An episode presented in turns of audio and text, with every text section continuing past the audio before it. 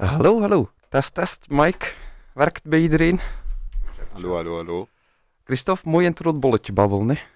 Ik ga mijn best doen. Welkom bij een eh, nieuwe Anything Can Happen eh, radio. Vandaag op eh, donderdag, omdat Christophe werkende is en op vrijdag niet beschikbaar was. Ik denk dat Rodrigo wel elke dag beschikbaar is. Altijd. Altijd. Het is ook heel fijn dat jullie samen hier in de studio aanwezig zijn. Eh, ik had niet gedacht dat, dat ik jullie twee hier eh, samen ging hebben.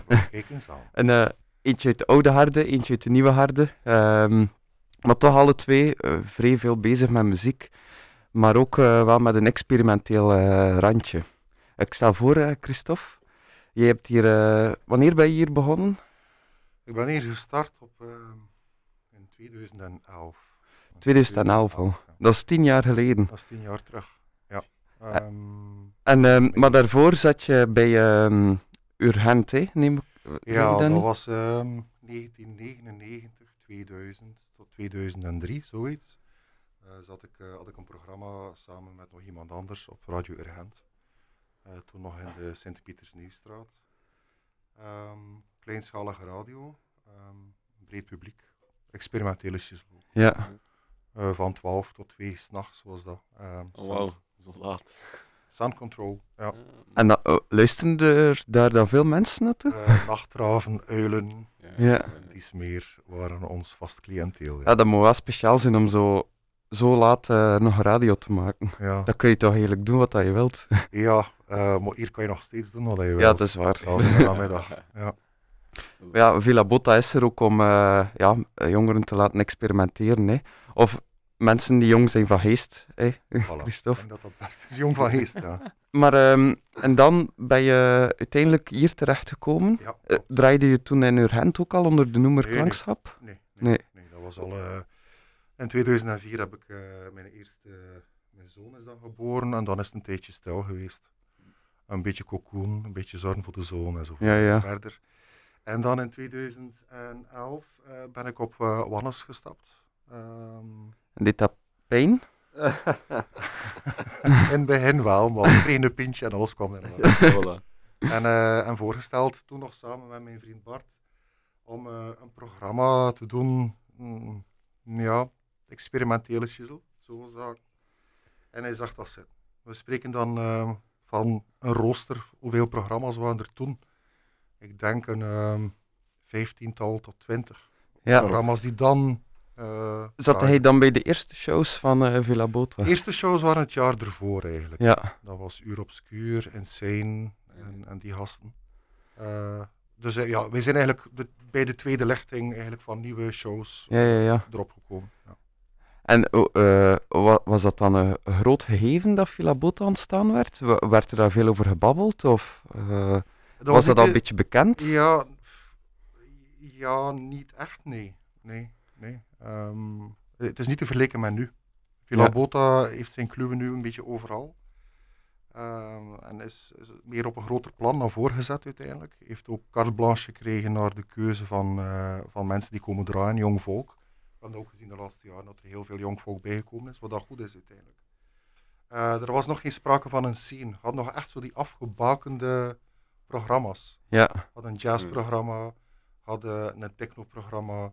Ehm, ja, dat is een beetje was- zoeken in het begin zeker. Ga je en dat zo- was ook ja. typisch Brugge dan, hè. had een hip-hop programma. Ja, Ja, ja. Alles binnen de hofjes. Zo. genres Ja. nog, hè. Ja. Terwijl dat je nu uiteindelijk eh, een, een mengelmoes hebt eigenlijk van alles. Eh, en dat maakt het juist interessant. Hè. Ja, ja, ja. dat is ook wel moeilijk om ja, dan een soort van eenzijdige sfeer eh, te geven. Maar dat is misschien de sterkte van Villa Botta, dat het juist zo veelzijdig is. Hè. Klopt. Maar ehm, ik vraag me eigenlijk een beetje af hoe dat je in dat experimenteel eh, gerold bent. Ehm, oh, dat is een lang verhaal, maar ik had heel in, in een nutshell. oh, we hebben tijd. Het eerste, ja, op zesjarige leeftijd, eh plaat van mijn vader opgelegd. Equinox of Oxygen van Jaar. Eh, Goosebumps. Je kan je je voorstellen op, op, op zes, zevenjarige leeftijd om geconfronteerd te worden met deze muziek. Dat was outerworldly. Ehm Was dat dan je ouders die dat oplegden? Mijn pa was een, eh, een, een jaar van, in het algemeen dan ook door te trekken naar eh, de kosmos en, en eh, de sterren. Hij had ook zo'n sterrenkijker wat ik door mocht kijken. Dus dat dikte de sfeer nog een beetje meer aan voor mij, gaf het ook nog een beetje meer animo. En dan zo ben ik altijd op zoek geweest naar verdere muziek die mij goosebumps eh, kon geven. Doorheen de jaren 80, ja, jullie weten ook wel, jaren 80 was ook wel heel, ja, ehm, was muziek nog echt muziek uiteindelijk. Ehm, drie minuten, vier minuten maximum. Een intro, chorus en een verse. Ehm, daar heb ik dan uiteindelijk de, de smaak voor melodie te pakken gekregen. In de jaren 90 was het een beetje een, een doodse toestand. Surtout begin jaren 90. Maar dan medio jaren 90 zijn de elektronica-toestanden naar boven gekomen. Ja. Ik spreek dan over de hele vroege Outekker, eh, Scanner, Scorn, Seafeel. Dat waren dan nog groepen die meer in de lijn lagen van het eh, industriële aspect. Ja. En eh, dat beukte er nogal op los. En dan ben ik zo een beetje mijn eigen muziek beginnen maken, zo in 97, 98. Dan had ik voor de eerste keer mijn harddisk.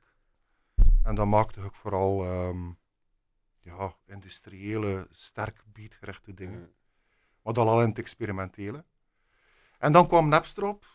En, en eh, Morpheus was ook zo'n programma waar je muziek kon binnentrekken. En dan ging de wereld open. Ehm, en dan kom je van alles tegen en dan begon je eh, programma's te beluisteren op, eh, op de, de Hollandse radio. Dat was dan VPRO, punk en weet ik wat allemaal, en elektronische toestanden. Ja. En vanaf dan ben ik eigenlijk niet meer van het experimentele afgestapt. Ehm, ik vind ik vind, ik vind commerciële muziek en, en, en, meer in het algemeen, melodieuze muziek, dat kan zeker niet slecht zijn. Dat al, maar het moet er altijd bij mij een randje aan zijn. Een, Ja, eh, ja. een soort, eh, een beetje vuiligheid mag er aan plakken. Een Mag- edge. Ja. Ja, een edge. Misschien omdat, dat- omdat dat er juist gaat voor zorgen dat je iets doet, hè. Dat, dat, dat het een beetje vernieuwend eh, klinkt. Of, Ja. ja. Het, het, het, allee, het, het- het- afgelekt en al, eh, Ja. nee. Maar ik had, ik had het gevoel bijvoorbeeld dat je nu luistert naar pop en als je dat nu vergelijkt met vroeger, Hmm. uiteindelijk pop haalt ook eh, inspiratie uit die experimentele scene. Hè. Eh, Kijk naar hoe dat die, die beats daar worden, al die extra geluidjes die erbij zitten en alles wordt eh, zo genormaliseerd met de tijd. Mensen gaan dat ook gewend geraken, wat dan nu experimenteel is. Ja, klopt. Dus het gaat altijd maar verder en verder. Je hebt soorten experimenten. Je hebt experiment, je hebt elektro-akoestisch experiment, waar dat er eigenlijk echt wel ehm, geëxperimenteerd wordt met, eh, met akoestiek. Eh, we spreken zelfs al over de jaren 50, 60, de pioniers van avant-garde muziek concreet. Eh, die man liep nog rond met een plastron en een kostuum. Dan zaten met serieuze grote bakken in hun studio, GRM-studio's Ja. in, in Frankrijk. Ehm, maar nu heb je meer en meer software. En je voelt ook wel dat je ook weer nieuwe richtingen, dat er nieuwe richtingen uitgehaald worden, maar dat die richtingen sterk bepaald worden door de software die gehanteerd wordt. Ja. Eh, ik spreek bijvoorbeeld over Vaporwave en, en, en die consorten, Ehm, waar dat de jaren 80 ook een beetje nagedaan worden uiteindelijk, en die klank wordt. Ehm, en ik heb daar zo'n beetje mijn, eh, ik heb daar niet mijn twijfels over uiteindelijk. Ik denk dat er daar sowieso ook een publiek voor is. Maar it doesn't do the trick for me, alleszins. Ja. Maar ik denk dat experiment ook gewoon is, zodat dat gaat constant evolueren. We gaan nooit met experimentele vast, eh, muziek vastzitten in één iets. Dat gaat altijd iets anders zijn, constant. Ja, ja, denk is volgend jaar gaat dat weer een andere sound krijgen of zo voor mij. Dus dat, dat is iets dat constant evolue- evolueert. En Ja. ook de laatste jaren ook steeds meer en Ja, sneller. sneller ook. ja. En daar heb ik het een beetje moeilijk mee in die zin van de platen dat ik nu mee heb, zijn platen die mijlpalen zijn en die de tand steeds doorstaan. ja, Hoe ja. experimenteel dat ze ook zouden kunnen zijn. Nu Ja. tegenwoordig is alles redelijk ehm, vluchtig. vluchtig, passeert. Ehm, en ik denk dat het moeilijk tegenwoordig is als, om als artiest een bepaalde identiteit aan te meten daarin. Ja, ja. Dat had je vroeger veel meer. Ja, ja. Je had een identiteit. eh, mensen, wisten voor wel, mensen wisten welke, voor welke muziek je stond. ehm, en wat dat je draaide. Ehm, Maar dat maakt het misschien ook wel interessant. Hè. Ik kijk dan bijvoorbeeld naar Rodrigo, die komt bij wijze van spreken elke dag naar mij met eh, een andere artiest. Ja. Ik- maar ik vraag me dan af, ja, hoe onthoud je dat allemaal? Ja, dat, eh, ja, ik weet niet. Dat is gewoon, bij mij is dat vooral een heel in periodes. Ik kan zo in een periode zo drie artiesten en al dat kapot luisteren. Ja, En dan, dat is gedaan, eh, on to the next, eh, vier, vijf artiesten.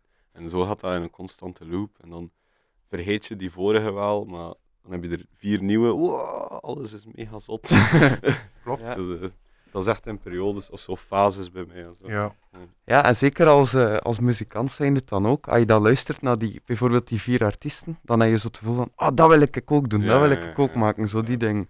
Ja. En dan, eh, een beetje later, verandert dat dan weer en is zo, ah nee, ik kan toch dat maken. Het, het, Ah, meer distortion. ja, het inspireert ons wel natuurlijk, al die verschillende Ja. dingen die er zijn. Het inspireert ons en er zijn soms gewoon een melodietje of een element in een bepaald stuk ja, dat ook. die je vasthoudt in je geheugen. En die dan, noem het een geheugen, ehm, die je dan een, ja, kan gebruiken op jouw manier en op jouw manier interpreteren en vertalen uiteindelijk. Ehm, maar de echte artiesten zijn nog altijd diegenen die eigenlijk, wat we zeggen, in mijn ogen, ehm, amper naar muziek luisteren en met iets heel puurs op de proppen komen. Ja. Je zegt van, wat is mij dan nu? Dat, is ongelooflijk goed. Ja, ja, Ehm, het, het is een weerwaard, er is heel veel. Zo echt een onwetendheid als muzikant. Voilà. Zo, ik weet niet hoe dat ik muziek moet maken, Ja. maar ik ga het toch doen. En dat vond ik ook altijd fantastisch. Ook in kunst. Ik vind Ja. dat de max. Zo mensen die niet kunnen tekenen en Ja. die gaan een, een appel tekenen, het beste dat er ooit bestaat. Dat is Mhm. altijd een goed beeld. Omdat je ergens, omdat je ergens denkt dat ze niet beïnvloed zijn. En nee, ja, ja. er is zoveel info de dag van vandaag. Je Ja. moet zoveel info opnemen en je neemt ook al zoveel info Ja. op, dat je soms niet meer, inderdaad niet meer weet wat je identiteit is. En doe jij dat ook? Of, of zoek je wel bewust eh, artiesten op? Voor Ah, ja, inspiratie. Ja, ik, ben, ik zoek wel bewust artiesten op. Of ik, allee, ik, stoot, ik stoot erop aan, op, ja, op tegen. Ja, ja, ja. meestal krijg ik er ook van, allee, van vrienden eh, dat ik dan leer kennen. Bijvoorbeeld van Miek, waarmee dat mijn show dan doe.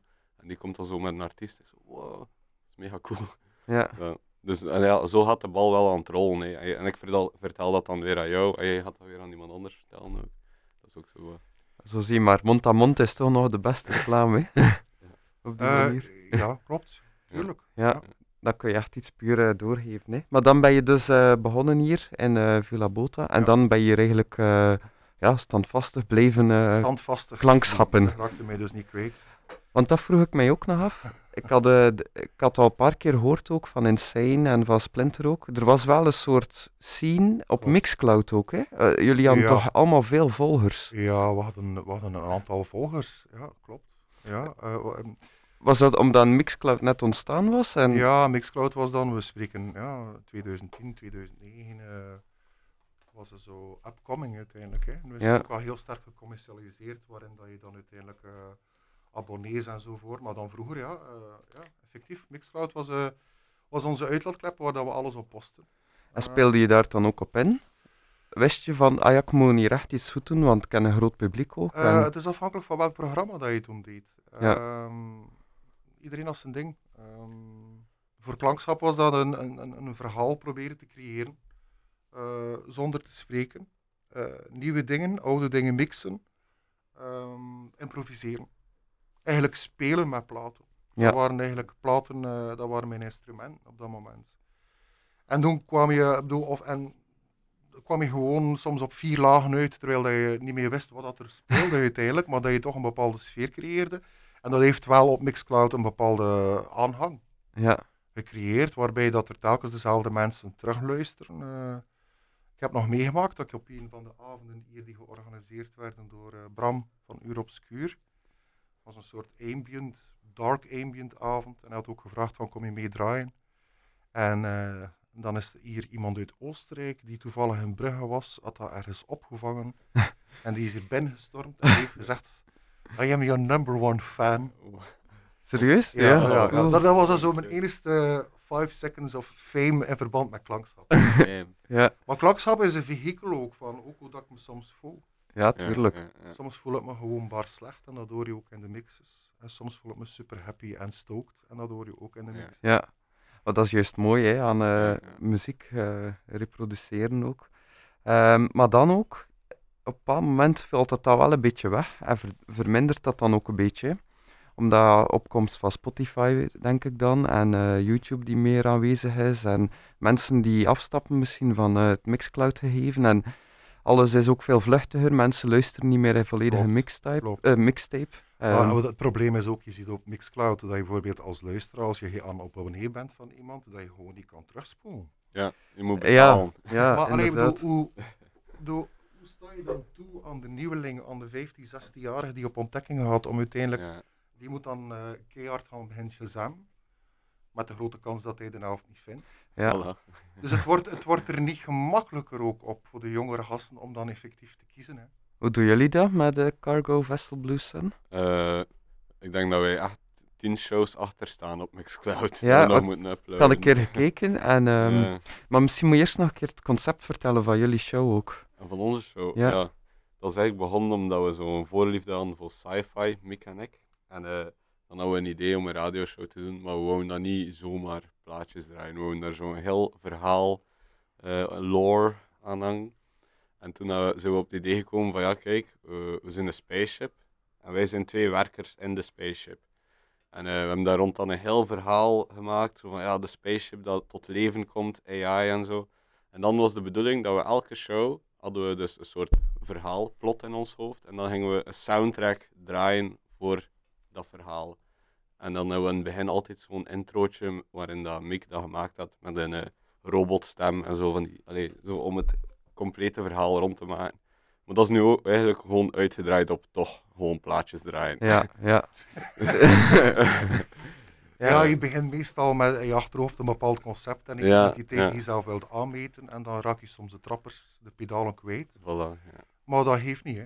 Nee, ik vind van niet. Nee, want het is- dus het blijft hetzelfde muziek nog is steeds dat we Interstellar draaien. geworden. Ja, Ja. wel. Dat is juist ook zo het leuke aan hier draaien. We, we, we hebben geen verplichtingen. Hè. We kunnen doen wat dat we willen. Hè. En ik vind dat juist zo mooi dat, dat, dat mensen hier kunnen komen. En ze komen misschien met een concept, maar dat ze toch gewoon hun ding doen. En ja, dat maakt niet uit. Hè. Als je maar dingen uitprobeert. Nee, nee, dat is, ik. ja, ik Ja. heb al, ook altijd al het gevoel gehad dat ik, dat ik hier echt, voor hetzelfde geld kan ik hier gewoon hardcore draaien voor drie uur lang en niemand gaat mij zeggen dat dat niet goed is. Ja, omdat dus er niemand luistert. Hè. Voilà, Nou, dat, Love is it. ook, dat is ook nog zoiets. Love it. Wanneer nee. krijgen wij de luistercijfers op papier? Nee, Wel, ik heb dat dus een keer eh, nagevraagd. dat staan Ehm, wij echt af. Waar is Je moet dat daar ook eh? voor betalen. Ja, de- dus het eh, concept is dat je eigenlijk 700 euro betaalt om de cijfers te kunnen weten. En ehm, dan weet je eigenlijk nog niet de cijfers, maar weet je je marktaandeel. Dus dan krijg je een soort procent, 0,001 of zo gaat dat zijn bij ons, tussen alle frequenties. Ja. En eigenlijk is dat, doen ze dat gewoon om, ehm, ja, om te kunnen tonen aan adverteerders van kijk hoeveel eh, percentage dat we hier hebben. Eh, ons een spotje gaat wel redelijk duur zijn of Ja. Allee, daarvoor gebruiken ze dat. Maar eh, ik merk wel, we hebben nu ook een overschakeling gedaan met, naar de livestream. En die marcheert wel echt goed. Ja. Het is, het is nog altijd niet superveel, maar het, is, het, het, allee, het komt wel. eh, mondjesmaat. Eh, Vroeger waren, we, waren er één, twee mensen aan het kijken. Meestal waren ik dat dan. En eh, nog een eh, rando vanuit Oostenrijk of zo. Maar nu ja, zijn dat zeven, acht mensen die altijd aan het kijken zijn. En dat, dat is schitterend. Hè. Ja. Dus het is volharding. Hè. Het is zo'n soort eh, opstapje van radio of zo. Ja. Ook zo met die stream dan, het is zo wat tv ook. ook. Ja, ja, Je kan ja. het ook opzetten en niet kijken, maar luisteren. Ja, ja, met dat je zei dat, dat FM en eh, AM-frequenties weg gingen gaan, ja. denk ik dat dat dan al zo de next ding gaat zijn. Dat elk radiostation een stream, een soort tv Ja, tuurlijk. En nu, nu dat die frequentie er nog is, dat geeft ons een beetje de tijd om te experimenteren ook met wat kunnen we doen Ja. met die livestream en wat niet. Mhm. Eh, Maar hoe kijken jullie daar dan op, al- als eh, oudere radiomakers? Nee, dus Want eh, eh, niet iedereen we ziet dat zitten om gefilmd te worden. Hè. eh, ehm, ja, ik heb daar geen probleem mee uiteindelijk, maar ik het niet echt, ehm, niet echt gaan promoten ook. Ja, Wat ik wel soms doe, is eh, een filmpje opleggen. Ja, Ja, dat, heb ik ook gezien. bijvoorbeeld graag. Zo, en ja. dan gewoon ja, ja, weer een experimenteel filmpje of waar dat Ja. er niemand de kloten van begrijpt. Alhoewel, maar dat vooral iets moet hebben van het grafische. Denk Ja. dan bijvoorbeeld aan, eh, aan Tarkovsky en zo toestand. Esthetische waarde gewoon of zo. Ja. Ja, en, en eh, het is typisch aan, het is eigen aan de mens om dan zelf eh, zijn verhaal daaruit te ja, puren. ik heb jullie ook gevraagd om eh, wat plaatjes mee te nemen. Hè. Ja. Is er iemand die de spits wil afbijten en, een, eh, en mij een plaatje aanreiken? Dank je, kijk. Christophe heeft hier weer al een eh, hele hoop platen mee. Ja. Ik zei vijf, maar het zijn er... Zijn er tien. Ja, ik zie al wat dat is. Goeie ja, keuze. ik ook. Goeie keuze.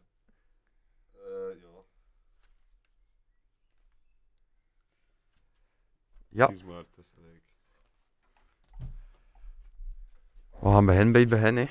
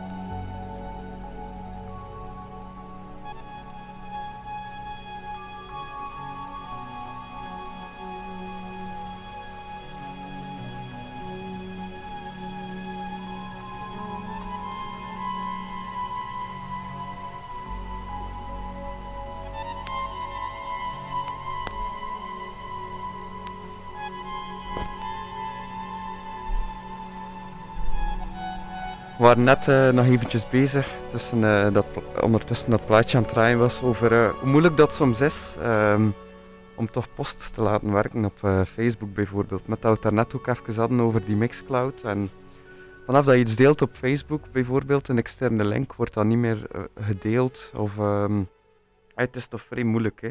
Maar hij zei dat er daar lessen voor zijn. Er bestaan er effectief lessen voor. Ja. Alle soorten eh, do-it-yourself en boeken voor dummies.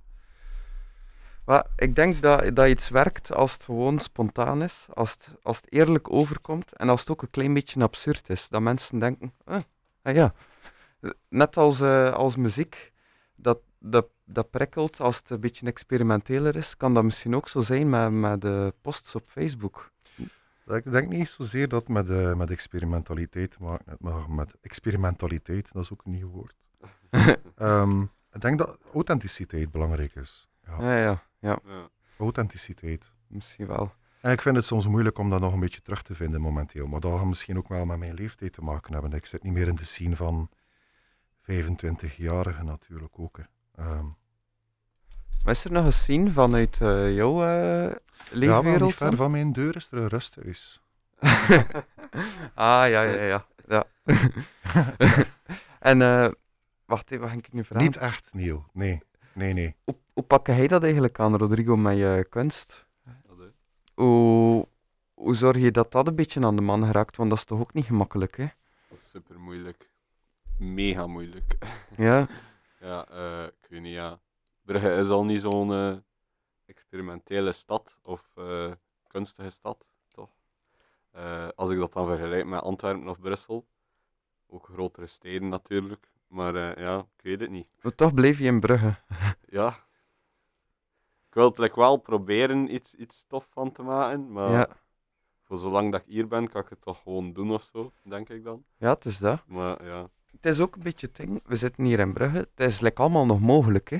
Het is lekker of dat we het allemaal Ja. nog kunnen doen. En dat maakt het zo leuk en spannend. Maar op den duur denk je dat drie jaar aan een stuk dat het allemaal mogelijk is. Of Ja, dan, maar dan, is dat, dan wordt dat gewoon beu. Dat je, zo, ja, dat je altijd tegen, eh, tegenslag na tegenslag. Allee, zo ook met ons, eh, wij hebben geholpen met URP daar van het entrepot. En eh, dat was twee jaar geleden normaal, ging dat plaatsvinden. En dat is dan niet doorgegaan. En dan hebben we dat dit jaar opnieuw proberen opstarten. Is opnieuw niet doorgaan. En dan denk je van ja, Ja. Het klopt, het klopt. Je moet het hebben van de, de aantal, eh, de kleine schare instanties die er zijn uiteindelijk. Hè. ja, Ik heb dat ook ehm, zelf meegemaakt eh, toen ik hier begon op Villa Bota. Die heeft een paar deuren voor mij geopend op vlak van muziek. Je mag eens draaien op Van Mavetje. Eh, je kan een keer op Cactus Festival gaan draaien. Je kan iets doen op het concertgebouw. Projectjes die we deden ehm, buiten het concertgebouw en de parking onder het zand. Dat zijn allemaal heel kleinschalige dingen en dat zijn zo losse flodders uiteindelijk. ja, ja. Ehm, Kun je zo een beetje afvragen, wat, wat, als je het aan het doen bent, soms steek je er zoveel werk in en Je vraag je er- soms af, waarom Ja. doen we dat hier eigenlijk? Je Ja. steekt ja. er- ja, ik denk dat je die, die, jezelf die vraag nooit mag stellen. Eh, waarom dat je met iets bezig bent. ja, Eh, want dan ontkracht je uiteindelijk gewoon waarom dat je met iets bezig bent. ja, ja. En ik denk dat dat de drijfveer is waarom. eh, het, het, is, het is een uitlaatklep uiteindelijk. Maar het is wel zo, ja, je hebt het cultuurcentrum, je hebt Cultuurbrugge en, en je hebt dan het entrepot natuurlijk. En, en je hebt al die, die kleine puntjes uiteindelijk die willen iets... Maar iedereen wil een stuk van de taart. Ja. Ja. En veel is afhankelijk van wat de programmatoren of eh, willen. Je ziet ook een groot verschil tussen uiteindelijk amateurkunsten en professionele kunsten in Brugge. Ja. De amateurkunstenaars die blijven amateurkunstenaars en die krijgen niet de, de nodige steun en niet de nodige subsidie om door te stoten naar iets professioneels. En de professionele kunstenaars of muzikanten zijn vastgelegde items die Ze zijn vast benoemd. hè. zijn vastbenoemd. Ja, Voilà. kijk, Ja. kijk bijvoorbeeld ook naar Colada. Dat zijn eh, evenementen dat we organiseren. Een beetje, ja, niet per se voor de jeugd, maar het is wel de jeugd die er naartoe komt. Ehm, we- wij vragen daar dan subsidies voor aan. Je kunt dat één keer doen, je kunt dat twee keer doen. Maar vanaf de derde keer Inderdaad. begint het al klopt. moeilijk te worden. En de vierde keer mag je het vergeten. Dus Klopt. je moet en dat is iets al... dat niet klopt. Dat Nee. is iets dat niet klopt. Het is ook zo, ik heb hier ehm, met klankschap een aantal sessies gedaan, live sessies. Ehm, en een van de live sessies heb ik georganiseerd, eh, los van Villa Boot en los van het entrepot. En dat heb ik hier gedaan in de kiosk. Ehm, en dan heb ik dan Karen Willems met Bart van Barst gevraagd. Ah, ja. En eh, Christina van Zoe. Christina van Zoe is een ehm tuttebelle. Ehm, die vroeg mij, eh, en dat is er nog, ik heb daar nog een anekdote over. Nu, maar Van Soe is redelijk gekend in de ambient wereld. Eh, woont in Brussel en heeft al samengewerkt met die gasten van eh, Winged Victory for the Sullen. Ik heb daar subsidie voor aangevraagd. Ik heb daar 500 euro voor gekregen uiteindelijk. Ehm, wat dan niet veel is natuurlijk. Nee. Dus je moet het veel zelf doen. En de tweede keer is het zo dat je dan uiteindelijk maar recht hebt op de helft van de eerste subsidie die je aanvroeg, 250. En de derde keer 125. En dan vraag ik me af, waar gaan we naartoe? Ja, Nu, een kleine anekdote. Christina van Zoo, ja, je denkt natuurlijk eh, La Grande Dame. Eh, die treedt op met, ja, ook met laptop. En eh, die kwam gewoon doodelijk naar mij en die vroeg... ehm Christophe, I've got a little problem. Ik zeg, what's your problem? I forgot my laptop. dus eh, ik ben dan nog heel snel naar mijn neus moeten rijden achter een laptop. Chance dat het ook een Apple was, anders Ja. kostte niets doen. Nu, dat was een heel mooie avond. Een zeer mooie avond. En ik vind de kiosk dat dat iets is dat we in de carpet sessions dat je ook nog Ja. hebt. En, en dat we dat veel meer moeten inzetten. Ja, dat is een ja, mooie inderdaad. mascotte aan het park eigenlijk. ja. ja, dat is eigenlijk wel waar. Ik Ja. me al af hoe moeilijk dat, dat is, of hoe makkelijk of hoe moeilijk dat, dat is om daar eigenlijk iets te doen. Ik denk dat dat lobbywerk is. Vooral. Ja, ja, Ik denk dat dat lobbywerk is eh, tussen het entrepot en het stad. ja. Ja, ja, ik, het, Ja. Is, het is gewoon een vergunning ook dat je moet aanvragen. Maar weet je wat dat is? Je surft dan naar die site, je moet dan van alles gaan aanmaken van documenten. I Je know, moet, I know. je moet je technische tekening hebben. je I moet- know. Je, Allee, moet de als- buurt, je moet de buurt inlichten, je moet overal brieven in de bus Ja, steken. Praktisch Dat alles al gedaan hebben, maar je bent dan nog niet zeker dat het mag. dat is zo, al die regeltjes en allee, dat is soms een beetje frustrerend, want dat, dat, dat blokt volledig de spontaniteit af. Hè. Ja. Want je moet, je, moet dan, je moet dat dan twee maanden op voorhand ook aanvragen. En dan inderdaad, je krijgt dan zo de helft van je bedrag. Dan moet je daar de begroting eh, van maken, nog een raming. En dan, ja, het is al zo, oh, het is zoveel werk. En, Klopt. Het, het Ja. scrapt veel werk in uiteindelijk, maar ik denk dat er daar de nodige mensen en know-how voor is om, ehm, om te gaan netwerken uiteindelijk. ja, dat is waar. En, en dat doen we misschien te weinig. Het is iedereen is zo'n beetje voor zijn eigen, voor zichzelf. Ehm, het, is, het is goed dat, dat Villa Bota een, een, een smeltkroes is van verschillende mensen, maar ik mis nog verbinding.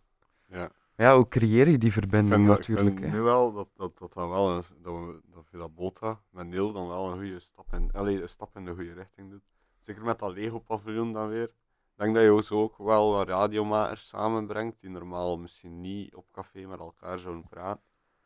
Eh, ik denk dan ook signaal. Dat, dat gaat ook, ik denk dat dat ook mega cool gaat zijn. Want ik zie het al sinds wel zitten om, zo, om andere radiomakers te leren kennen. En eh, ja, dat Dus- is ja, Dus het is een beetje, we moeten mensen bij elkaar zetten, like Ja. dat we nu doen met Ja, Anything ja. Can Happen. Uh, jullie kennen elkaar, ik weet eigenlijk niet, niet, niet goed, hè. Uh, Eh, wij kennen elkaar niet. ja, Oh. Ehm, maar nu zit je toch hier samen en dat, dat, dat vergt al een eerste band. En voor, wel ja, Ja. vanaf dat hij het woord sci-fi zei, dacht ik van, oh damn, interesting. ah, Eh, voilà. dat, ga ik een keer, eh, dat ga ik een keer checken. Ik ga jullie anders een momentje alleen laten, hoor. Maar dat zie- werkt zo niet bij mij. Ik zie dat je daar ook een plaatje uh, klaargelegd Ik heb hier een plaatje klaar. Dat is, ehm, dat is Pierre Bastien. En Pierre Bastien is een, is een man die ehm, muziek maakt. ehm, en hij gebruikt daarvoor ehm mechanoïde toestelletjes die hij in elkaar steekt. Je ziet hier een voorbeeld op de hoes.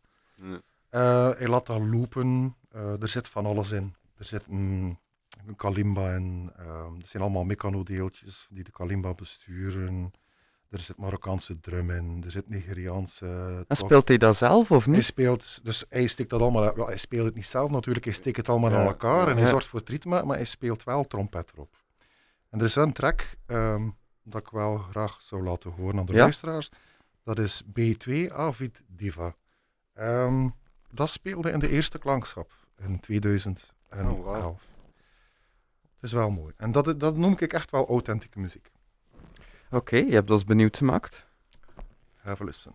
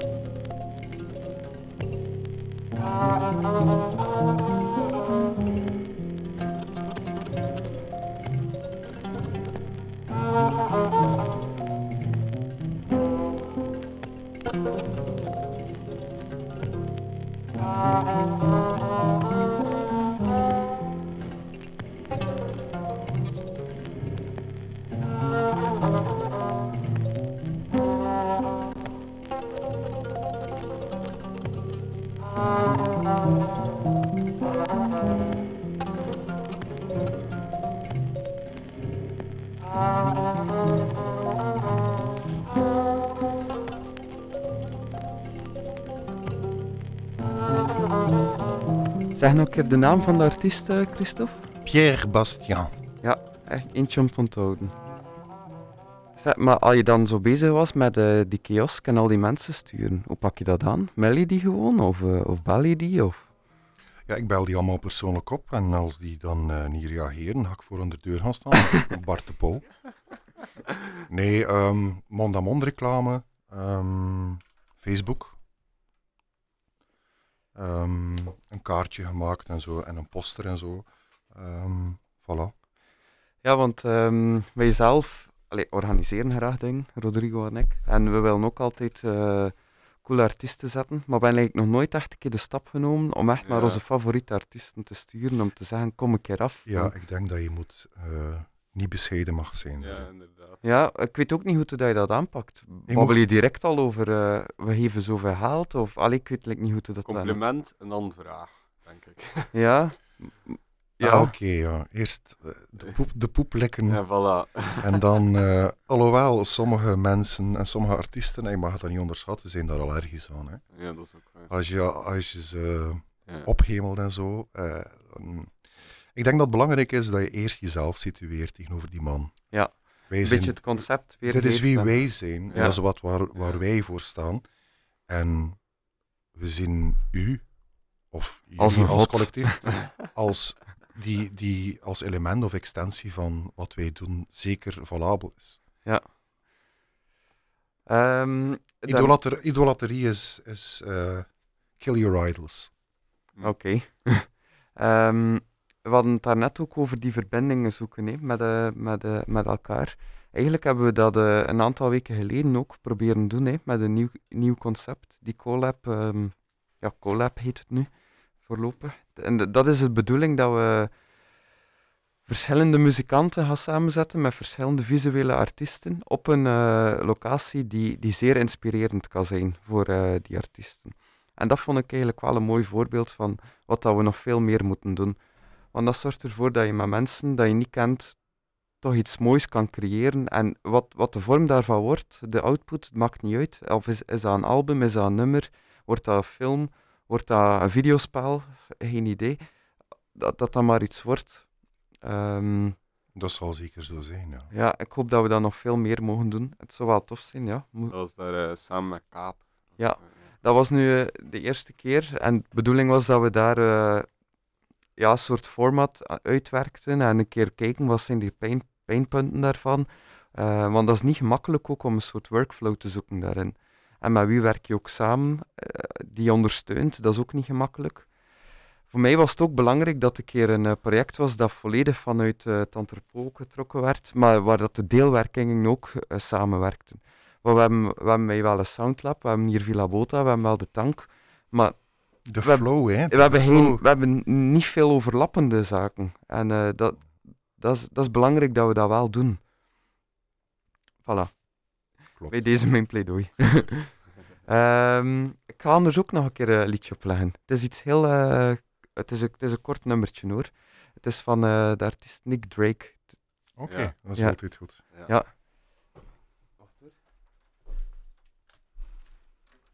Het is van een prachtige plaat. Het heet eh, Family Tree. En ehm, nadat hij overleden was, heeft zijn zus, denk ik, eh, die plaat samengesteld met allemaal recordings vanuit zijn huis ehm, of van ergens anders. Zij zingt er ook vaak op mee. En ehm, wat ik nu ga laten horen is een klein mooi stukje dat eh, toepasselijk is bij het weer van vandaag en bij de sfeer dat we een beetje voelen.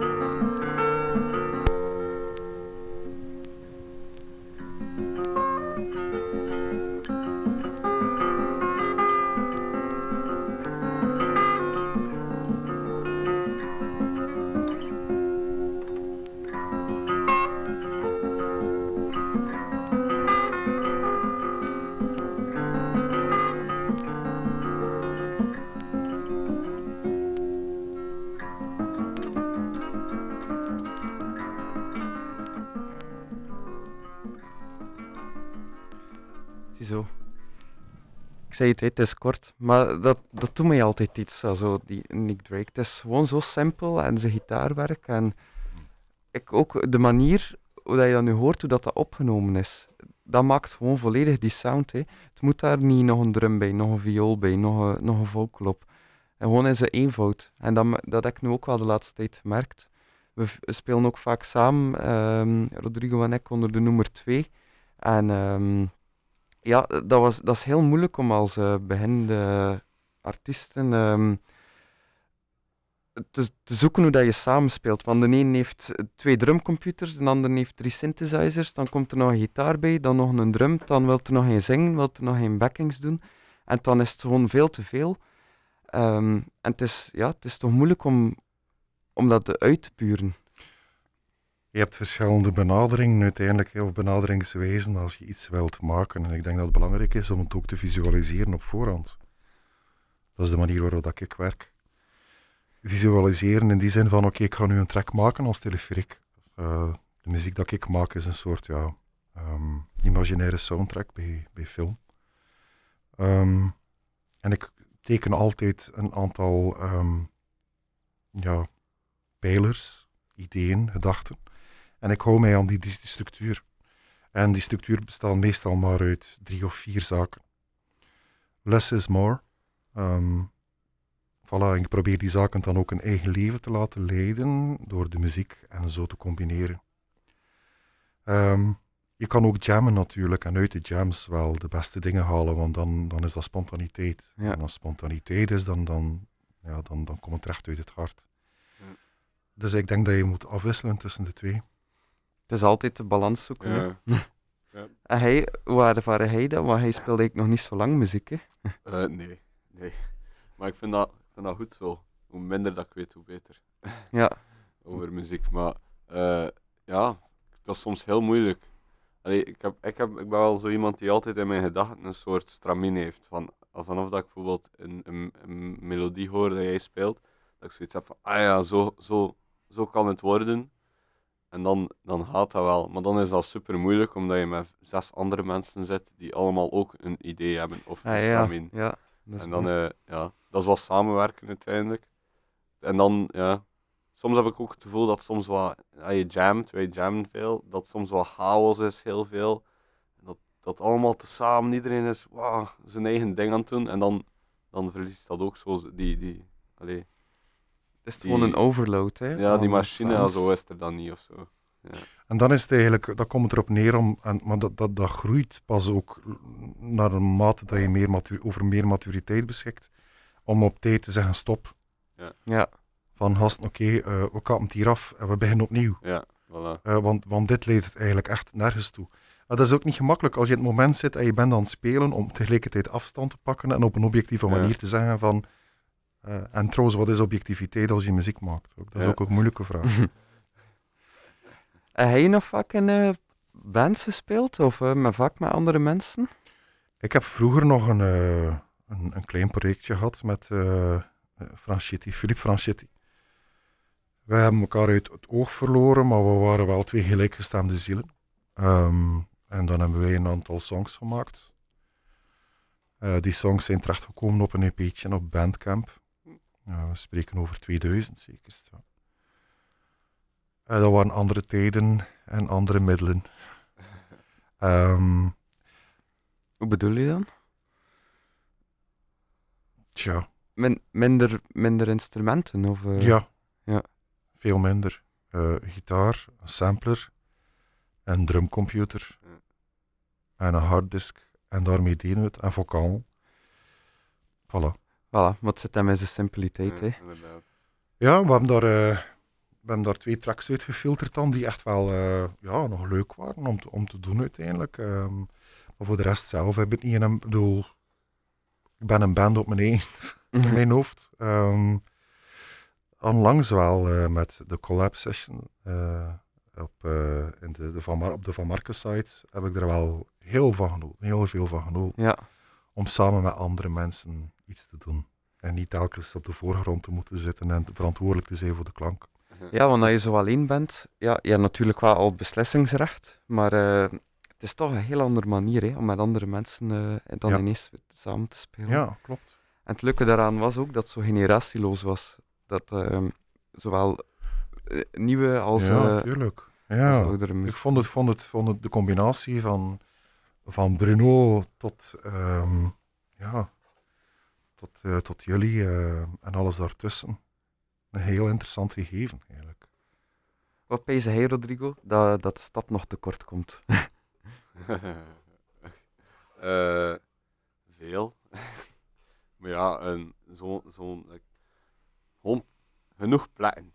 Plekken waar, dat, waar dat we als jongeren of als alternatievere subculturen, scenes terecht kunnen. misschien- Zoals een Van Markeloods, waar dat we daar zo'n ding kunnen organiseren als een sound system daar zetten en super experimentele muziek maken. Of super abstracte kunst, dat je er niets van verstaat. En ook dat, dat, dat er een plek is hiervoor in Brugge, wat dat nu nog niet echt is. Ja, het zou eh, veel gemakkelijker moeten gaan. hè. Het zou gewoon, like dat je in, eh, je in Londen loopt of in Berlijn, je hebt daar allemaal verschillende buurten. Ja, en je weet, panden, ja. kraak, kraakpanden, allee, die, die legaal gekraakt zijn, dat er een overeenkomst is, zo leegstand, dat, dat er iets mee gedaan wordt. En hier heb je al die leegstand en we moeten, ik weet niet hoeveel mail sturen, ik weet niet hoeveel lobbyen bij andere mensen om daar effectief iets te mogen doen dan. ja. Of, allee, en dan is het meestal nog te laat, want binnen twee weken wordt het plat. Allee. Christophe, hij zei de mature gast. Heb je daar een redenering voor waarom dat stad daar niet in meegaat? Goh. Ik denk ook eh, dat dat afhankelijk is van wat staat er op de agenda. Ja. Dat is één. Twee, ehm, electoraat gebonden. Mensen die eh, stemmen willen winnen. En eh, als je dan vasthakt aan mensen die stemmen willen winnen en die, die, die ervoor gaan om, om cultuur op, na- naar, een, naar, een, naar een hoger ehm, iets te, te, te draineren. Maar tegelijkertijd hang je dan, dan toch vast van, je krijgt zogezegd carte blanche. eh, want het is niet altijd zo. Ehm, vertrouwen ook. Vertrouwen in de jongeren. Ja. Van bovenaf. Ehm, er zou echt wel meer jongeren mogen vertegenwoordigd zijn die enige kennis hebben van kunst en, en abstracte kunst Wel- of muziek, die, die in de politiek vertegenwoordigd zijn. En dat, dat, dat mis ik nog ook. Van de week was ik daar ook over aan het nadenken. Maar dat komt nog, denk ik. Ja. Want eh, ik heb het gevoel, heel veel mensen denken ook pessimistisch eh, over Brugge. Maar moesten die nu een keer hun talenten ook inzetten, in plaats van het negatief af te breken, om het ook en naar de positieve noot te brengen, moest de stad nu een keer een soort van creatieve tank hebben. ehm, met, met verschillende mensen, een kunstenaar, een architect, een muzikanten. ehm, Ja, maar het is duidelijk, voor, de stad is dit al beslist, dat is het entrepot uiteindelijk. Hè? ja. Ja, maar Ja. die zouden ook mee beslissingsrecht moeten hebben. Tuurlijk. Bijvoorbeeld, heel simpel, de bomen hier in het park. Ze hebben hier al dat gras weggedaan, ze hebben daar hout gelegd, ze hebben daar eh perkje rondgemaakt, omdat de bomen geen, niet genoeg water kregen. Mhm, En nu is, dat, nu is dat wel weer aan het verbeteren. mhm, Maar misschien zijn er wel andere oplossingen daarvoor mogelijk, want ze zijn hier al maanden aan bezig. mhm. Misschien moeten ze een fonteintje nemen uit, uit, eh, uit die fontein, eh, Water. en eh, water nemen uit die fontein, een buizensysteem maken, dat dat druppelt, dat dat een beetje creatief... eh, Zo de unconventionele ja, als, manier als, als kinderen daar rondlopen hier, dat ze denken, amai, zo, zo cool. Dat Maar weet je wat dat ook een beetje is? hè? En dat merk je vaak. Hè? Brugge hangt aan één van tijdelijke projecten. Die komen en die gaan en die, die blijven niet bestaan. Eh, die, die, die stoppen dan. Is dat in andere steden ook, denk je?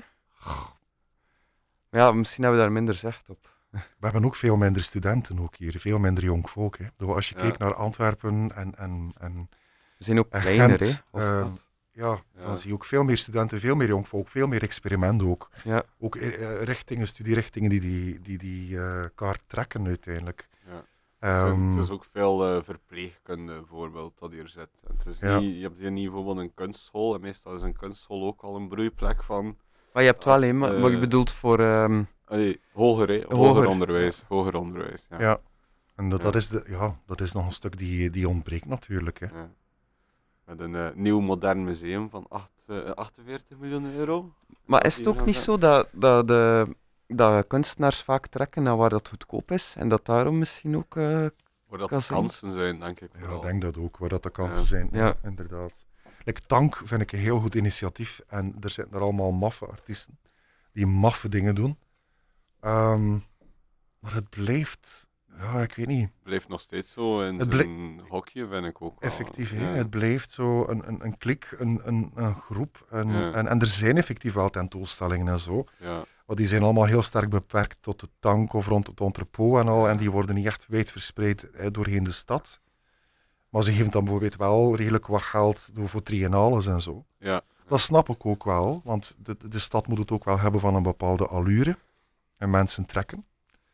Maar je moet ook de kans geven aan de persoon die lager op de, op de ladder staat, op vlak van Ja. kunst. Ik heb wel geluk gehad nu dat ik eh, ben eh, onlangs opgebeld geweest door iemand die, die vroeg of dat ik mee wil helpen aan de pretrinale voor in een kapel eh, een muurschilderij te maken. En toen, was ik, toen dacht ik wel van, allee, nice. ja. dat is goed. Ze komen wel, allee, ze zitten er wel mee in, hè, of zoiets, eh trinale met de lokalere artiesten of zo. Ja, dus ja, nu Zoom-meeting en zo, dat komt allemaal. Maar, ik heb, ben- ja. maar eh, ik heb het gevoel dat we hier al zo'n redelijk negatief gesprek Nee, aan nee, nee, eh, we zijn niet negatief Nee, nee, bezig. nee. Ik denk dat we realistisch bezig zijn. Maar laten we hier uh, muziek kunnen opleggen. Ik stel voor dat Ah, ja. Rodrigo nog iets oplegt. Ja, ik wou anders een positief nootje eh, erin brengen. Ja. Zo'n een, een mooi bruggetje naar. eh, ik, ik weet niet, ik dacht eh, zo'n een lievelingspizza zo. Of een, een klein gelukje dat jullie hebben. Dame chocolade. Dame chocolade. En hey Christophe, Ehm, moet niet per se eten zijn. Hè? nee, maar ik ga, ik ga me op een achtergrond houden over mijn kleine gelukjes. Ja. Gewoon hier zijn met jullie samen is een klein gelukje. Oh, Voilà. Ah, dat is mooi. Ja, Oké. eh, ik heb eh, een muziekje mee, met dat je daarnet Barst zei. Ik heb toevallig een plaat van Barst mee. Moch. ah ja, je hier. Fantastisch. Ja, en eh, het zou het eh, tweede nummer zijn. Super. Bart gaat content zijn. Nee, barst.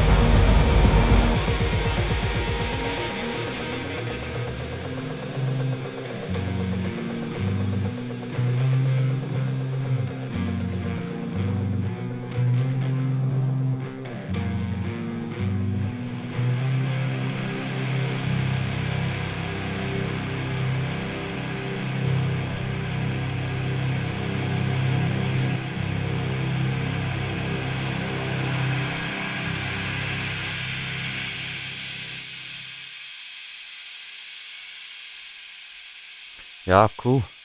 Dat was eh, een tof nummer. We kennen de band eigenlijk niet. Is dat, eh, dat was Belgisch, hè? Ja, dat was Belgisch. Ja. Coole plaat. Ik ken dat eigenlijk ehm, via een, een drummer die daarbij zat, eh, Mathieu Matlowski. En, eh, die, die maakte eigenlijk heel industriële, harde muziek. En eh, dan zag ik dat hij, dat hij drumde bij die band. En dat was, dat was zo'n live session in Sint-Baafs kathedraal. Ja? Ik vond dat fantastisch. Dat was echt zo die industriële drums daarin en dan die harde gitaren. Dat was zo een mooie combinatie van, dat, van hardcore en, en, en, en metal of zoiets. Ja, ja, En, ja. eh, En, en ambient, zo een mooie mengelpot. Je lijkt ook een beetje op Matlowski. Oei, Maar ik denk dat hij wel langer is. of Pavlovski lijkt op mij. ja, het zal zo zijn. ja. Ehm, ik heb ook eh, nog een plaatje mee.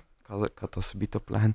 Maar eh, na lang zagen eh, heeft eh, Cedric van eh Cherrypicker eh, allemaal Swansplaten eh, besteld voor me. En ik, ik heb ze allemaal gekocht. dus ze liggen er al niet meer. Eh. Nee, ze liggen er niet meer. ja, eentje, omdat ik al eentje had. Dan ga je die in, eh, in een paar dagen allemaal beluisteren. want Waar dan, ik ben bezig en ik moet zeggen, ik voel me niet zo vrolijk. Ik denk het ook. ja. ja, Swans is eh, one of a kind. Hè? Maar ik heb wel al veel ontdekkingen gedaan. Ik had eigenlijk nog niet eh, alles geluisterd van hun. er. Maar, ehm, maar die oude platen, Schitterend. ja, dat is Ik moet echt... daar echt ook nog eh, dringend alles van beluisteren. Dat is zo vuil, zo... Ja. Ah, het is echt... Ja, het is, ik vind... Je kunt, het nog niet beschrijven. Ik ben het nog allemaal een beetje aan het laten bezinken. Maar ehm, ik ken ehm, al eentje dat ik jullie wil laten horen en dat jullie gaan denken van... "Huh, is dat Swans? ik dacht, dat is wel nog interessant.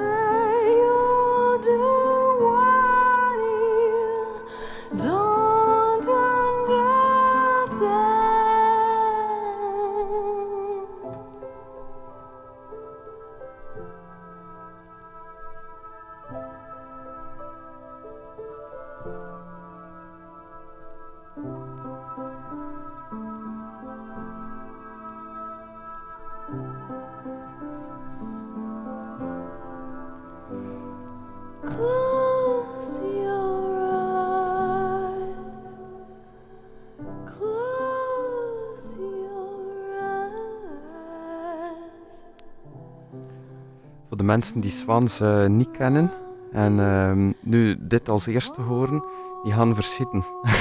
Als ze de rest gaan luisteren. Zeker doen. Ik had jullie dus gevraagd om enkele plaatjes mee te nemen. Hè. Eh, Hoe hebben jullie dat eh, gedaan? Gewoon vlug wat genomen? Of heb je er toch een beetje over nagedacht? Ik heb er helemaal niet over nagedacht. Ik ben nog vlug naar atelier gegaan en ik heb daar vijf platen random uitgekomen. Ah, ja, ja, ja. Ja. Hey Christophe? Ik heb daar wel over nagedacht. Ja. Tja, tja. Ik heb erover nagedacht. Waarom? Omdat, ja...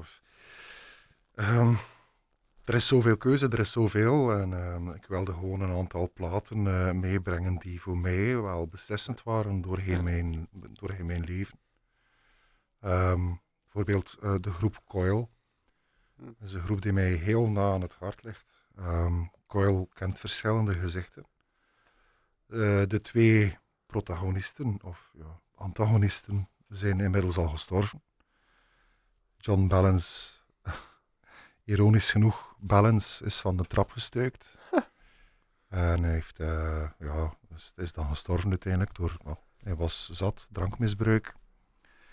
Ehm, en Peter Sleazy Christofferson was oorspronkelijk bij Robin Gristle. En die is tien jaar later in zijn slaap gestorven in, in Thailand.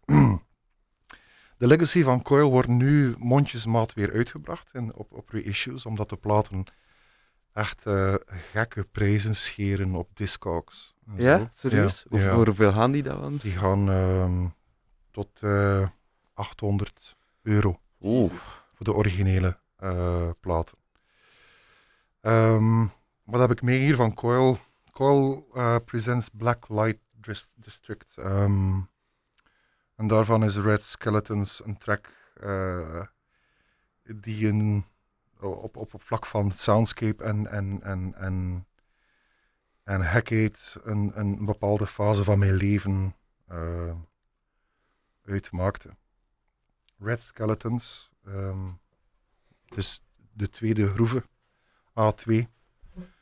Ehm, waarom dit nummer? Omdat het alles bevat eh, wat ik bevatte op dat moment in mijn leven. Ehm, grote invloed, Coil.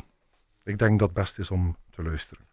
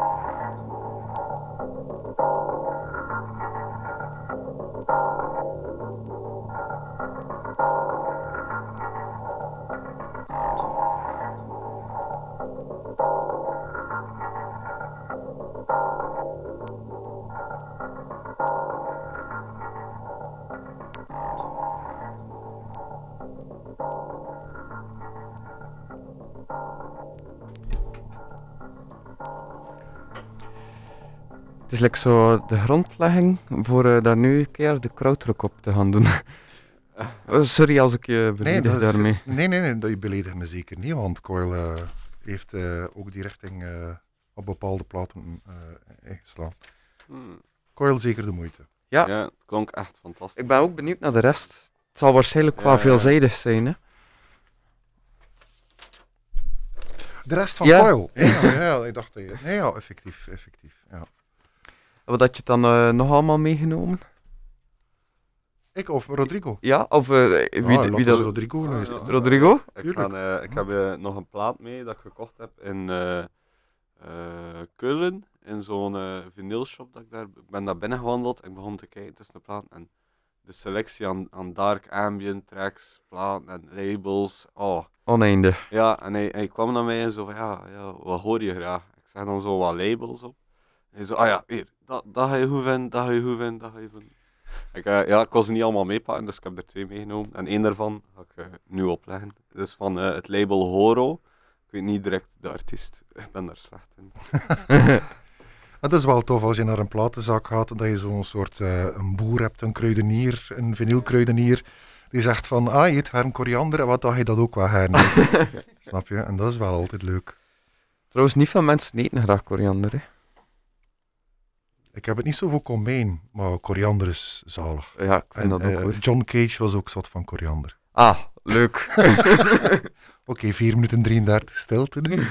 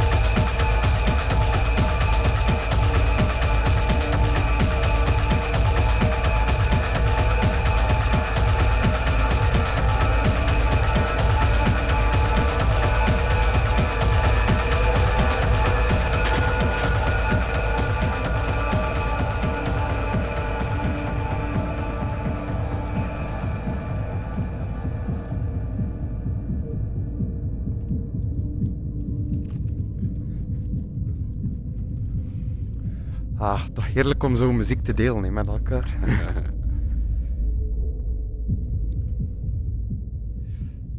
En eh, een van mijn eh, grootste inspiratiebronnen is eh, Tom York. En waarom ook? Omdat hij zichzelf telkens opnieuw heruitvindt. Als je kijkt naar wat dat hij vroeger uitbracht met Radiohead, wat dat hij dan later uitbracht met Radiohead, zeker na Kid A. En, en nu ook op zijn solo-projecten, bijvoorbeeld die Anima, dat zijn echt, dat is ook zo die, van die verhalende muziek. Hè. En ehm, ik moet er wel op letten, bijvoorbeeld bij Not Ever, dat ik het niet elke Not Ever draai. dat is een beetje eh, het moeilijke eraan. Maar het blijft gewoon zo goed en ik blijf maar ontdekken.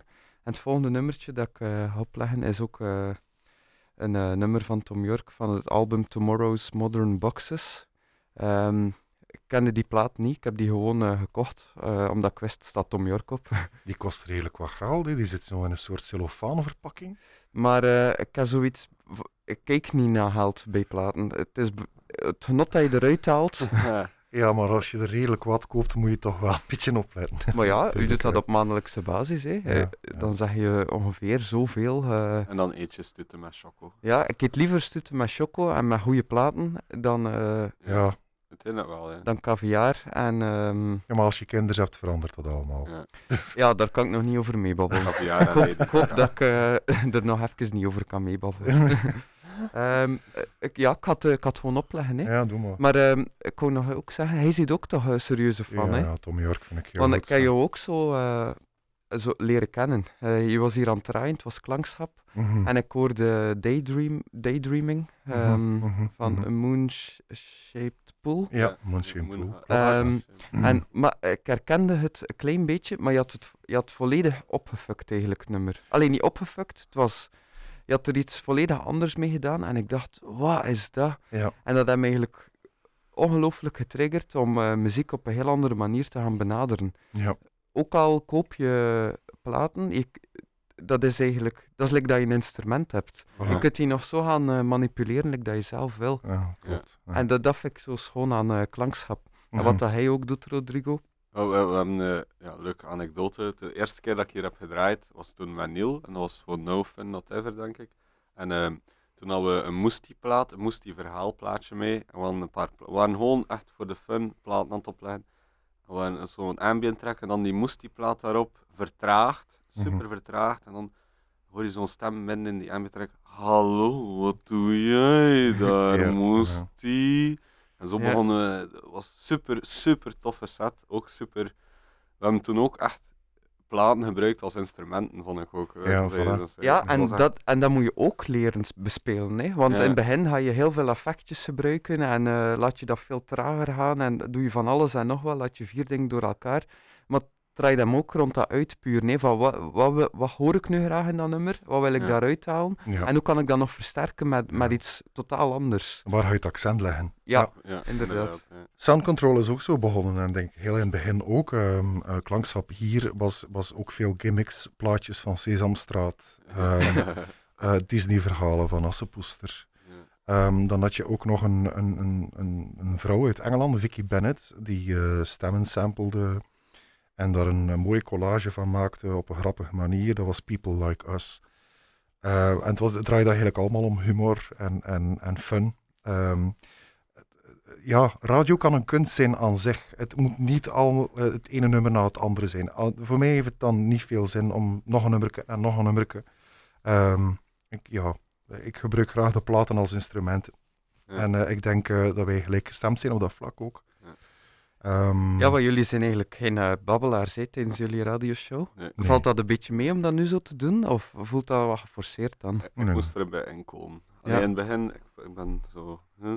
Maar eenmaal dat, dat, dat ik zo in de vibe zit van een gesprek, kan ik, dan raak ik wel los of zo. Ja, ja, Ja. de- ik, ik heb het ook altijd hoor, Ja. met eh, Anything Can Happens. In het begin is dat altijd zo'n beetje stroef, maar nu, nu zijn we echt aan het praten en is het echt eh, spontaan. En ja, inderdaad.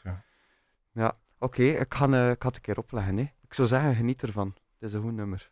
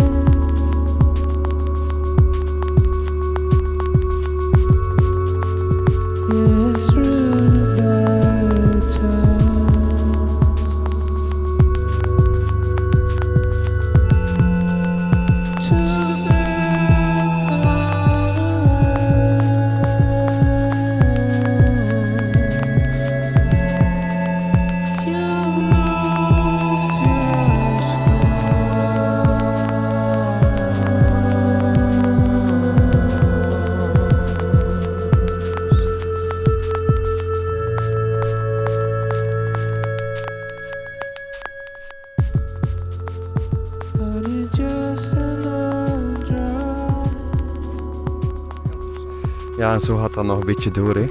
Zo gaat dat nog een beetje door. Dus ja, moesten jullie die plaatsen? Het is echt een aanrader. Tomorrow's Modern Boxes. En eh, om de cirkel daar rond te maken, het is dan weer aan Christophe. Wat had jij nog mee?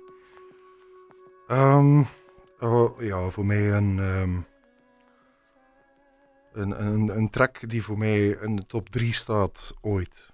Ehm, eh, het is een track van, van Luciano Silio. Luciano Silio was een, ehm, een, een muzikale veelvraat, een, een architect. Iemand die dacht in beelden, ehm, die theaterstukken enceneerde. Ehm, hij bevond zich in Napels. Heeft twee platen uitgebracht, eh, waarvan de eerste worp ehm, Del Universo Assente heet. Ehm, het, bevat alles van emotie, eh, spanningsboog. Ehm, ik, ja, ik heb er zelf geen woorden voor om het, om het uit te leggen. Je kan het terugvinden. Ik, ik, zit ook, ik schrijf ook poëzie, dus ik ben een poëet. Er bestaat een site, eh, roer.land, waarin eh, wij bijdrages leveren. eh, zij het poëzie, zij het over muziek. Ik, ik, ik ga vooral muziek eh, behandelen en ik heb daar ook de plaat beschreven. Dus als je gaat naar roer.land onder het katern Sonar, je kan er ook muziek vinden van mij en, en wat samenwerkingen, heb ik de plaat besproken. Ik denk dat ik verder geen woorden mee ga vuil maken en dat Neil gewoon op de playknop drukt. Het is eh, heel mooi. Ik hoop dat iedereen ervan kan genieten.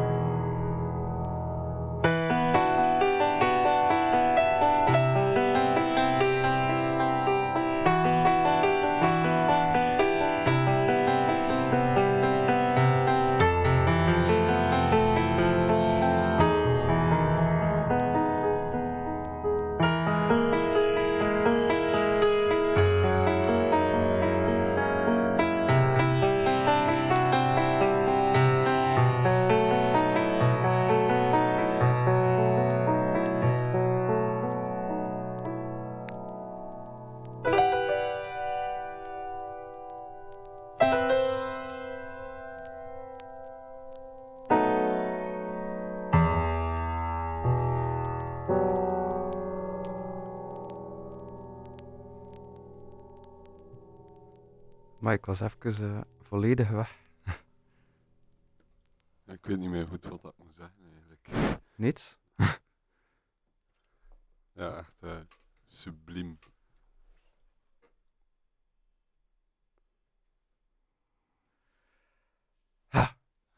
Voilà. Christophe is er ook stil van geworden, hè? Altijd opnieuw. Ja. Ja, echt super. Wauw. ja, merci om ons dat te laten horen. Verveelt, die track verveelt geen moment. Je Nee. kunt dan blijven opleggen, dat is tijdloos. Ehm, ja. Luciano Silio. Luciano Silio.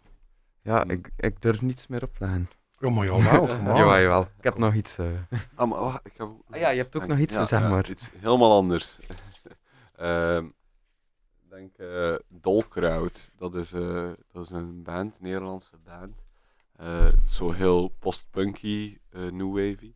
Eh, maar dat zijn eh, bandleden van eh, de Ambassade. Dat is nog een andere new wave eh, band. Die Dolkraut ook hebben. En dat is wat meer elektronisch. En de Ambassade is wat meer rocky. Dus eh, ik ga daar, eh, denk ik, Red Girl van Dolkraut op leggen. alright.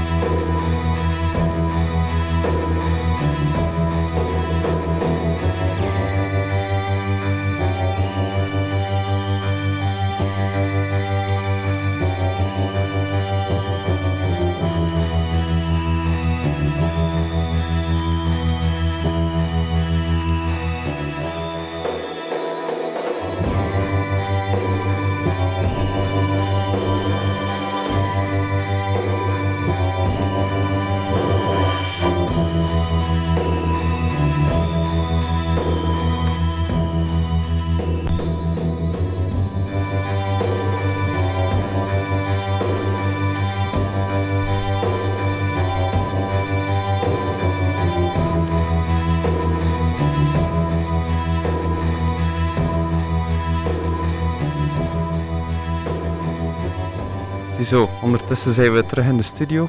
We werden eh, eventjes weggeroepen. Ehm, dus eh, Rodrigo, ja, ik heb het eigenlijk niet echt goed gehoord welke muziek dat je had opgelegd. Maar nu op het einde wel een stukje. Ah ja, dat was, Ja, dat was Dolkraut. Twee nummertjes. Red Ja, het zijn er twee en, geworden. ja, en Valium, denk ik. Ja, ja. en niet zeker. Ondertussen staan we wel nu in het nieuwsblad Ja, eh, foto in het nieuwsblad. Ja. voor ons Lego-project. Eentje, eentje met flits en eentje zonder flits. Ja. Voilà, dus, Ik heb ook per ongeluk anders een Lego-raampje kapot gemaakt. Oei, Hij, ik kon er niet mee lachen, zei hij. Ja. Allee, ik zag het als, een als een mulle. ja, dat is wel minder. Ehm, ik weet niet eh, of dat Christophe hier eh, nog is voor het afsluitmoment. Afsluitmoment. Tenzij dat jullie nog een beetje willen blijven doorgaan. het, het avondlied zingen. En, Het avondlied. Ik had ehm, om deze show met een vrolijke noot te eindigen, ehm, had ik nog een plaat mee van eh, Paul McCartney. Ehm, ik weet niet eh, of dat jullie dat een beetje kennen of... eh, Dat is die van de Beatles, hè? Dat is inderdaad een ding van de Beatles. Maar het is ook wel een ongelooflijk goede muzikant. En na de Beatles, als ze uit elkaar waren, is hij verhuisd met zijn vrouwtje naar Schotland.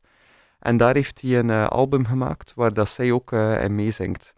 En als je dat weet, dat hij daar uiteindelijk op zijn rust, op, allee, op, is daar alleen, op het gemak, op boerderijtje, gewoon met Ja. zijn gezin, een beetje paardrijden, tuinieren. ehm, ja, een beetje weggevlucht uit eh, de, de, de wereld waarin dat hij zat. Hè. En Terug naar de sereniteit. ja, en je hoort dat ook wel in die plaat. Het is like alsof dat hij eh, herleving heeft. Zo. Eh, ik, moet ik moet niets, maar het- dat komt nu echt een keer vanuit zichzelf. En daarom vind ik dat zo'n goede plaat. En de nummers erop zijn, zijn ook eh, effectief echt goed. Ja. Ik, ga, ehm, ik ga er eentje van spelen. eh, en dat lijkt me nog een, mooie afsluiter.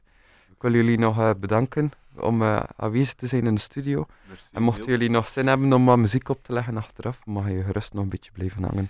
Dankjewel, Neil, om ons te horen. En naar de muziek te luisteren. Ja, Merci voor het leuke gesprek, Christophe. En, uh, en we Rodrigo. Voilà. kennis maken. Ja, Allee, zo. ja, ik had, het ik had play drukken. ervoor. Ja. Go.